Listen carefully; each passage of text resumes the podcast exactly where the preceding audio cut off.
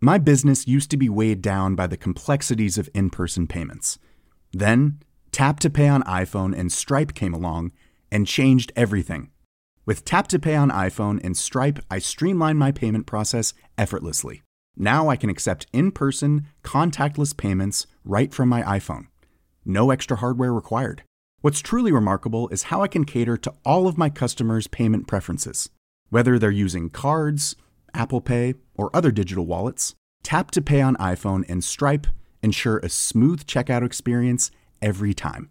And it's not just me. Stripe helps businesses of all sizes, from local markets to global retailers, scale quickly and stay agile. To learn how Tap to Pay on iPhone and Stripe can help grow your revenue and reach, visit stripe.com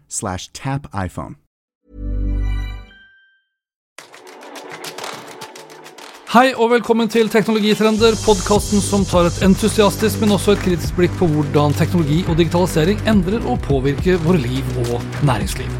Episoden presenteres av Episenter, Oslos hub for digital innovasjon og et økosystem for innovative selskaper i vekst. Gå inn på episenteroslo.com og bli medlem du også. Fra null til 5300 milliarder kroner i omsetning, og det på kun 15 år, det er intet mindre enn helt utrolig. Og da snakker jeg selvsagt om app-markedet. Ikke kun Apples AppStore, men det hele globale markedet, som startet med Apple, men ikke da med lanseringen av iPhone i 2007. For da Steve Jobs lanserte iPhone, så var det ingen AppStore.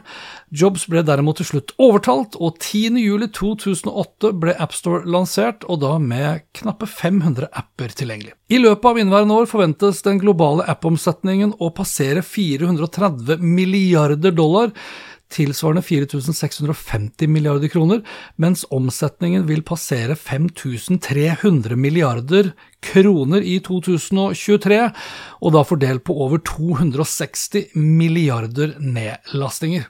Kun 15 år tidligere så var altså dette et ikke-eksisterende marked. I dag har mobilen for lengst blitt vår viktigste dings her i verden, og en forlengelse av oss selv. Og selv om Meta snakker om at metaverset vil bli den neste versjonen av det mobile internett, så er det ingenting som tyder på at smarttelefonen er død med det første.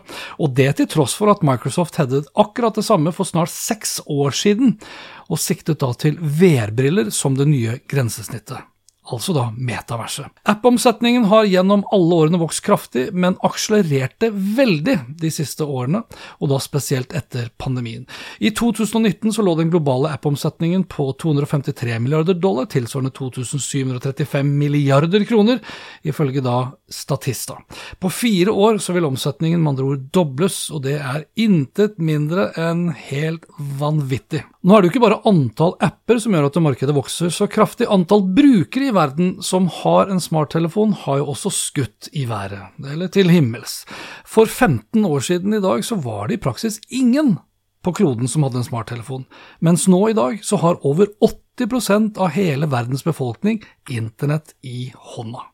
Og mens Apples AppStore hadde 500 apper tilgjengelig i 2008, ja, så har du og jeg ca. 5 millioner apper å velge mellom i dag. Og mens vi måtte nøye oss med Edge-hastigheter i 2007, altså tilsvarende 250 kilobit per sekund, ja, så kan vi surfe på nettet i dag med enorme hastigheter, og det med ubegrensa datapakker til Nesten, da. Slik og ingenting. Ifølge StatCounter så har Apple med iPhone og iPad rett i underkant av 30 markedsandel. Samtidig så vil de samme enhetene generere hele 63% av omsetningen i 2023. I Norge er forholdet nesten snudd på hodet, hvor Apple har nærmere 60% av markedet, og Android med de siste 40 Huawei, eller Huawei på folkemunne, som lanserte sitt eget OS, Harmony OS, og sin egen appbutikk, App Gallery, i 2021, har til tross for over 100 000 apper ikke klart å karre til seg en markedsandel som synes i StatCounter, verken i Norge, i Asia, hvor Android har over 80% markedsandel, eller i verden for øvrig. Det er kanskje ikke overraskende gaming som er den største omsetningskategorien, med over 50% markedsandel, etterfulgt av sosiale medier. Og disse to kategoriene vil sammen stå for over 70% av den samlede omsetningen i 2023. Ifølge Statista igjen så vil 51% av omsetningen omsetninger av apper kommer fra selve kjøpet av appen, mens kjøp i appen, som f.eks. skins og våpen i spill, men ikke minst abonnement, vil komme like etter. Av de 260 milliarder app-nedlastinger vi vil foreta oss i løpet av neste år, er det ikke overraskende heller at det er gaming som er den største kategorien, med 135 milliarder, etterfulgt av foto- og videoapper på andreplass og sosiale medier på tredje. Og disse tre kategoriene alene vil stå for to tredjedeler av alle nedlastninger i 2023. Så igjen, et vanvittig stort marked som kom fra intet, og som i løpet av da 15 år har blitt milliardindustri for veldig mange. Jeg husker jo godt da Eva Grinde i Dagens Næringsliv omtalte Mark Zuckerberg i daværende Facebook som arbeidsplassdødaren i 2017, og sannheten er vel heller helt motsatt. Og da tenker jeg ikke bare på de 85 000 ansatte i Meta, men alle nye arbeidsplasser som har blitt skapt direkte og indirekte som følge av smarttelefonen og appstores som sådan. For da snakker vi tross alt om en dings da, som ikke fantes for 15 år siden, men som 6,6 milliarder mennesker i dag bruker hver dag, og det til stadig flere ting. Personlig bruker jeg mobilen mest til sosiale medier som Facebook, Instagram og LinkedIn, etterfulgt av produktivitets- og finansapper som e-posten min, Slack og Vips, og underholdningsapper som Netflix og TV2 Play, men også ganske mye tid til både YouTube og Podme.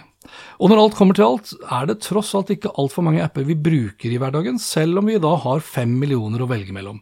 Undersøkelser avslører f.eks. at nesten samtlige apper som lastes ned, blir fjernet i løpet av den første uken etter nedlastningen.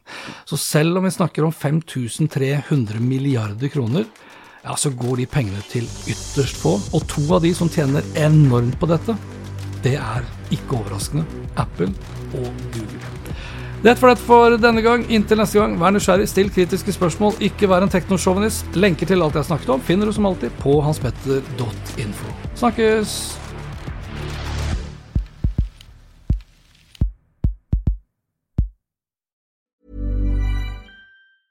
Hi, I'm Daniel, founder of Pretty Litter. Did you know cats tend to hide symptoms of sickness and pain? I learned this the hard way after losing my cat, Gingy. So I created Pretty Litter, a health monitoring litter that helps detect early signs of illness by changing colors, saving you money and potentially your cat's life. Pretty Litter is veterinarian developed, and it's the easiest way to keep tabs on your fur baby's health right at home. Go to prettylitter.com and use code ACAST for 20% off your first order and a free cat toy. Terms and conditions apply. See site for details. My business used to be weighed down by the complexities of in person payments. Then, Tap to Pay on iPhone and Stripe came along and changed everything. With Tap to Pay on iPhone and Stripe, I streamlined my payment process effortlessly. Now I can accept in person, contactless payments right from my iPhone. No extra hardware required. What's truly remarkable is how I can cater to all of my customers' payment preferences. Whether they're using cards, Apple Pay, or other digital wallets, Tap to Pay on iPhone and Stripe ensure a smooth checkout experience every time. And it's not just me. Stripe helps businesses of all sizes, from local markets to global retailers, scale quickly and stay agile. To learn how Tap to Pay on iPhone and Stripe can help grow your revenue and reach, visit stripe.com/tapiphone.